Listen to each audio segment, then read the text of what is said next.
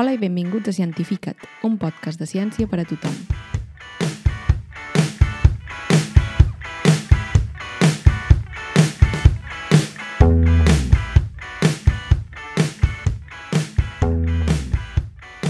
Avui us voldríem parlar d'una qüestió polèmica i que segurament farà delícies en algun sopar d'estiu o amb una copa amb amics a l'aire lliure. L'origen del SARS-CoV-2. D'on ha sortit aquest virus que ens ha transgiversat la vida? És normal que aparegui un nou virus així de cop? Hem tingut mala sort o hi ha hagut alguna negligència? Hi ha forces obscures, també, que volen destruir la humanitat? Algú podria haver creat aquest virus? Avui volem entrar en aquest tema polèmic per aportar una mica de llum a les teories de sobretaula i que fàcilment deixen volar la imaginació. Primer de tot, hem de tenir clar que les pandèmies han passat i passaran i que cada cop que apareix un nou patogen que desafia el nostre sistema immunitari, també aquest patogen el va perfeccionant no? al nostre sistema immunitari de manera que sigui més eficient davant de perills futurs. Sense l'ajuda de la ciència, pel procés de selecció natural, molta gent es moriria per no tenir un sistema immunitari prou fort per lluitar contra aquesta nova amenaça. Com vam veure al principi de la pandèmia i com podem continuar veient eh, amb la gent, per exemple, que no eh, s'està vacunant. Per sort tenim alguna eina, com, com ens dona la ciència, no? que són les vacunes, per jugar al nostre favor i intentar que no elimini a tots els que no tinguem possibilitats de superar aquesta infecció.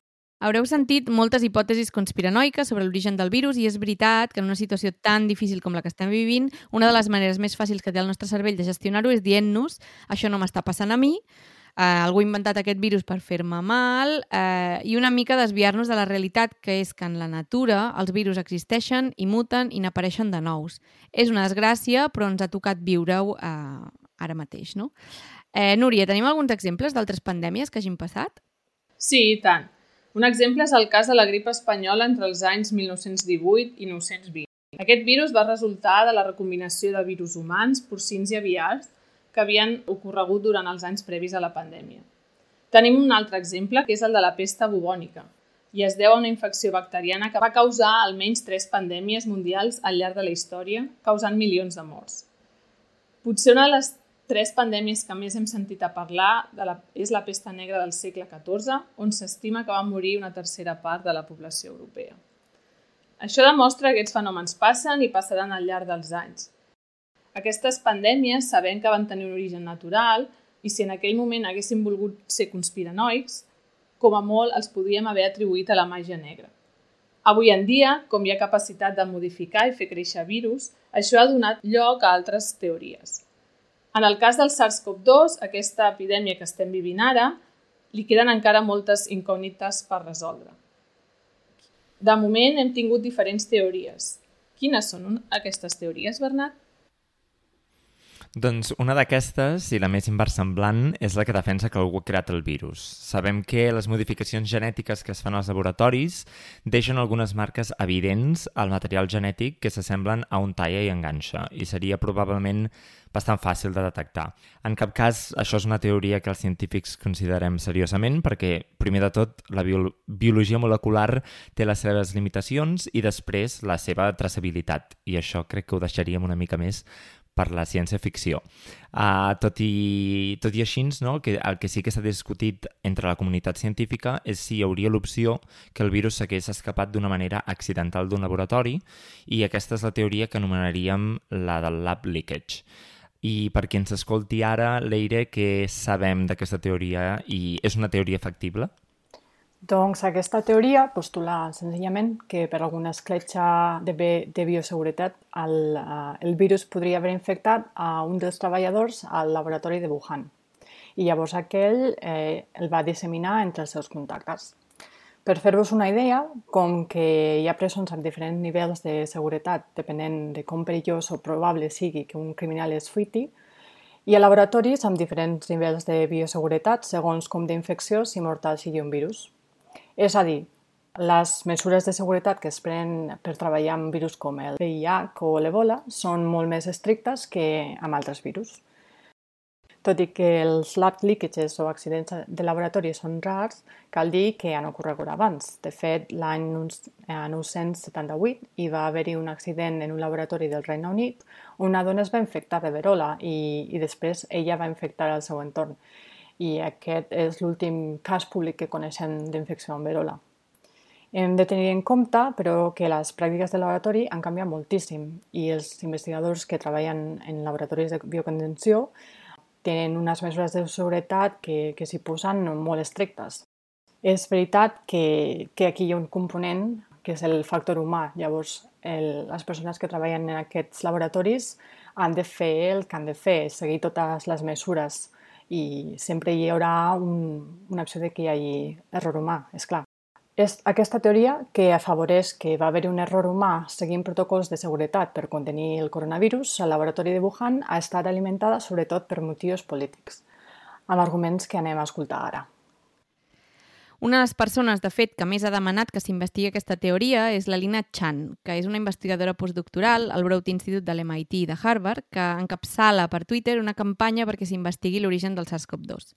Les seves premisses són que abans de la Covid, els experiments de SARS, que és el virus més germà del SARS-CoV-2, el virus previ, no es feien en laboratoris de contenció i bioseguretat de nivell 4, que és el que li tocaria, sinó més aviat de nivell 3 o fins i tot de nivell 2, cosa que hagués facilitat que, es que algú es pogués infectar amb un d'aquests virus i portar el virus fora.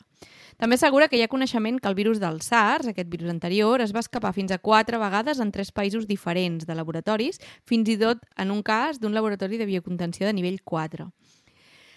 Ella també diu, i això és totalment cert, no? que l'evidència actual és consistent tant amb un origen natural com amb un de laboratori.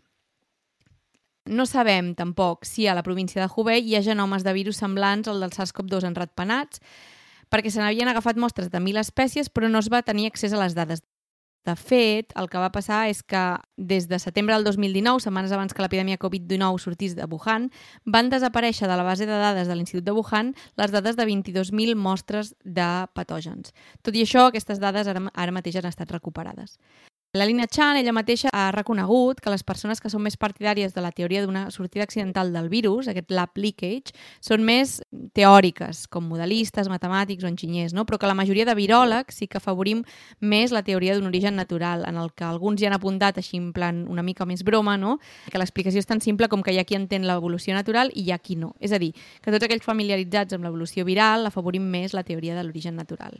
Tot i això, un dels fets que més ha reobert aquesta polèmica ha sigut una notícia que va sortir fa uns mesos al New York Times. L'article explica com ja feia alguns anys, en el laboratori de Wuhan, s'estudiava el cas d'un coronavirus aïllats en uns, en uns miners. Aquests miners treballaven en unes coves plenes d'excrements de ratpenats i de sis miners que hi treballaven, dos van morir per unes estranyes pneumonies. Una possible hipòtesi podria ser que aquests treballadors del, del laboratori s'infectessin asimptomàticament i contagissin a gent de Wuhan. A més, al novembre del 2019, alguns investigadors de Wuhan van ser hospitalitzats. Però això encara s'està investigant i s'està intentant aconseguir els historials mèdics d'aquests treballadors. Fins ara, però, no hi ha descrit cap coronavirus amb les mateixes peculiaritats del SARS-CoV-2 al laboratori de Wuhan és a dir, que tot i que algun altre coronavirus hagués saltat als humans i s'hagués aïllat al laboratori, és poc probable. En contraposició amb la doctora Chan, també hem pogut llegir als mitjans una entrevista amb la investigadora australiana, la doctora Daniel Anderson, que va treballar al Laboratori de Bioseguretat de Wuhan fins a finals del 2019. Recordem no, que aquest és el laboratori on es treballa amb els coronavirus i, com deia la Núria abans, no, on potser no, hi ha aquesta possibilitat de que s'hagués estudiant un nou coronavirus. Ella és partidària del, de l'origen natural, amb arguments tan simples i clars. No? Ella postula que, que no hi ha cap eh, treballador de Wuhan que estiguessin malalts i ella el que diu és no? que si el virus s'hagués escapat, els primers malalts haurien sigut els que hi treballaven. Com diu la Núria, hi ha en aquests casos d'uns treballadors del laboratori de Wuhan que sí que van estar malalts i que encara s'estan investigant. Aquesta doctora australiana, la Daniela Anderson, també explica els protocols molt estrictes de bioseguretat que tenen els laboratoris de Wuhan i també assegura que en el seu temps allà ni ella ni cap dels seus col·legues no van fer cap experiment dels que anomenem guany de funció. Què és un guany de funció, Leire? Ens ho podries explicar? Sí, clar. Doncs aquests eh, experiments són experiments on els investigadors introdueixen mutacions o nous gens de virus o, per exemple, els forcen a créixer en cèl·lules on normalment no ho farien. Tot això és per veure quins canvis els fan més transmissibles o mortals. Clar que ara m'imagino que els que ens estiguin escoltant s'estaran tirant les mans al cap per escoltar això. Quina bolleria és aquesta de fer virus que causen pandèmies encara més perillosos?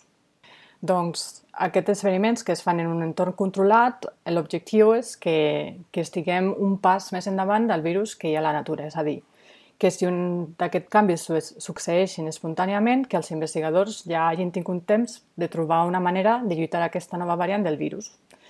Gràcies a aquesta estratègia, per exemple, es va desenvolupar una vacuna contra la febre groga després de que uns investigadors van fer créixer el virus eh, que causa aquesta malaltia en cèl·lules de pollastre, que normalment no pot infectar en condicions naturals. Sí, jo crec que és normal que ens, ens posi una mica nerviosos aquests experiments i, de fet, ja molts de la comunitat científica que suposen, no? Com un exemple, a finals del 2011, dos equips d'investigació, un als Estats Units i l'altre a Holanda, estaven investigant quines mutacions permetien al virus de la grip aviar saltar d'ocells a humans. Aleshores, els experiments consistien en infectar fures d'una manera repetitiva, és a dir, els virus aleshores mutaven i aconseguien replicar-se dins de les fures, els investigadors recollien el nou virus i amb ell infectaven de nou a altres fures. Això va donar a que aquest virus evolucionés de manera molt ràpida i es va fer molt més efectiu a l'hora d'infectar aquestes fures. I cal dir que les fures s'utilitzen com a, com a model de, de com passaria a humans. No? I, I la polèmica va ser tan gran que amb aquests estudis, el 2014, el president Obama als Estats Units va aturar temporalment el finançament públic per a aquests tipus d'estudis, de, tot i que després amb el, amb el Donald Trump doncs, es va tirar enrere aquesta moratòria. Cal dir, tot i així, que, que no tots els experiments de guany de funció que fem impliquen eh, virus mortals, no? que, que potencialment començarien pandèmies. Hem dit abans, i, i crec que cal, cal posar-hi èmfasi també que tot això eh, dependrà, òbviament, de les mesures de seguretat que es prenguin durant aquests experiments, l'emmagatzematge de les mostres i que hi hagi una regulació i una supervisió estricta d'aquests projectes. I, I crec que s'ha d'avaluar una mica els, els riscs i beneficis en cada cas concret. Tot i que hem parlat d'aquests experiments de guany de funció que es fan als laboratoris, aquesta hipòtesi és molt poc probable ja que és molt fàcil de detectar durant la seqüenciació del virus.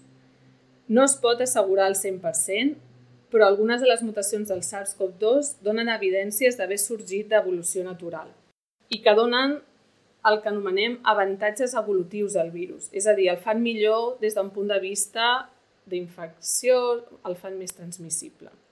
Naturalment, també algunes d'aquestes mutacions poden donar un canvi de funció o alguna part del virus, però també pot ser que alguns d'aquests canvis no siguin positius, és a dir, que el virus perdi la seva funció i sigui menys infectiu.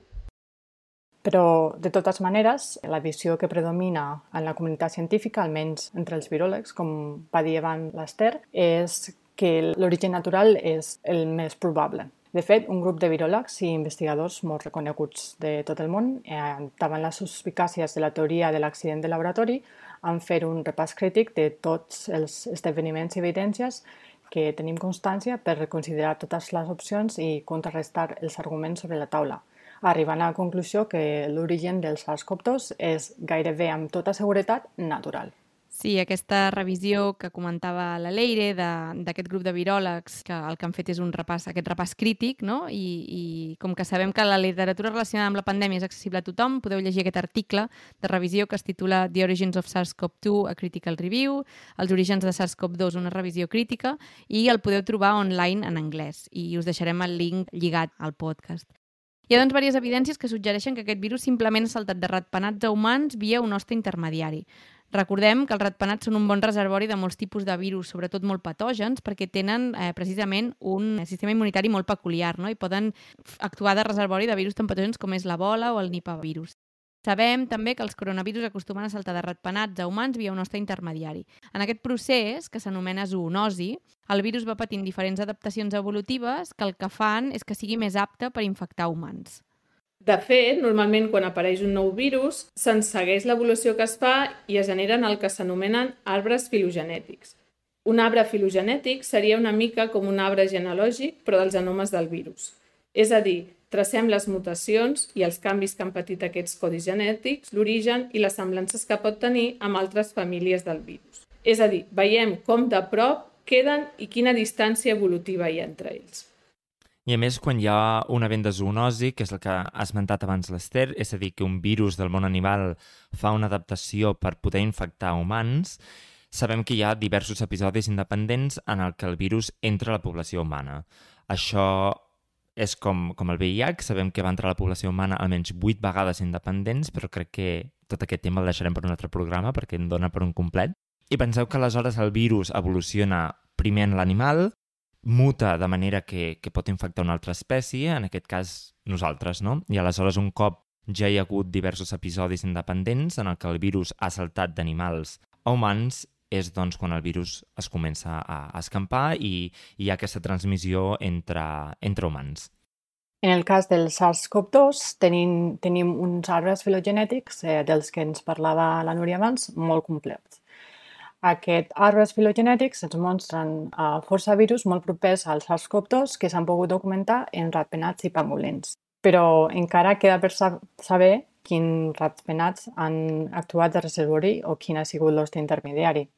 De fet, hi ha molts virus dels que coneixem un origen natural animal dels que encara desconeixem totalment quin exactament és el virus previ, com l'ebola, el virus de la hepatitis C, el virus de la polio o fins i tot altres coronavirus que fa segles que corren. Tot i que encara hi ha preguntes a respondre i no es pot assegurar al 100%, la teoria que el virus va aparèixer a partir d'un laboratori per força. Els viròlegs i gran part de la comunitat científica estem bastant d'acord en postular un origen natural del virus, del SARS-CoV-2, com a resultat d'un procés evolutiu del virus. Volem deixar clar que si diem que no podem estar 100% segurs de si el que ha passat realment és una fuita de laboratori o si parlem d'un origen totalment natural, és perquè la ciència es basa en evidències. Per tant, els científics no assegurem mai res fins que no tenim evidències suficients per acceptar una teoria o una altra. Fins i tot és possible que mai arribem a saber ni tan sols l'hoste intermediari on va sorgir aquest virus, com ha passat amb molts d'altres. Però és important que investiguem totes les opcions possibles i prenguem mesures per, de, per dalt de tenir una vigilància dels virus que hi ha a la natura, perquè no hi hagi sospites de possibles escletxes de seguretat dels laboratoris, alhora que també caldria requerir una transparència entre països perquè els secretismes no suposin un obstacle per aturar aquesta o futures pandèmies.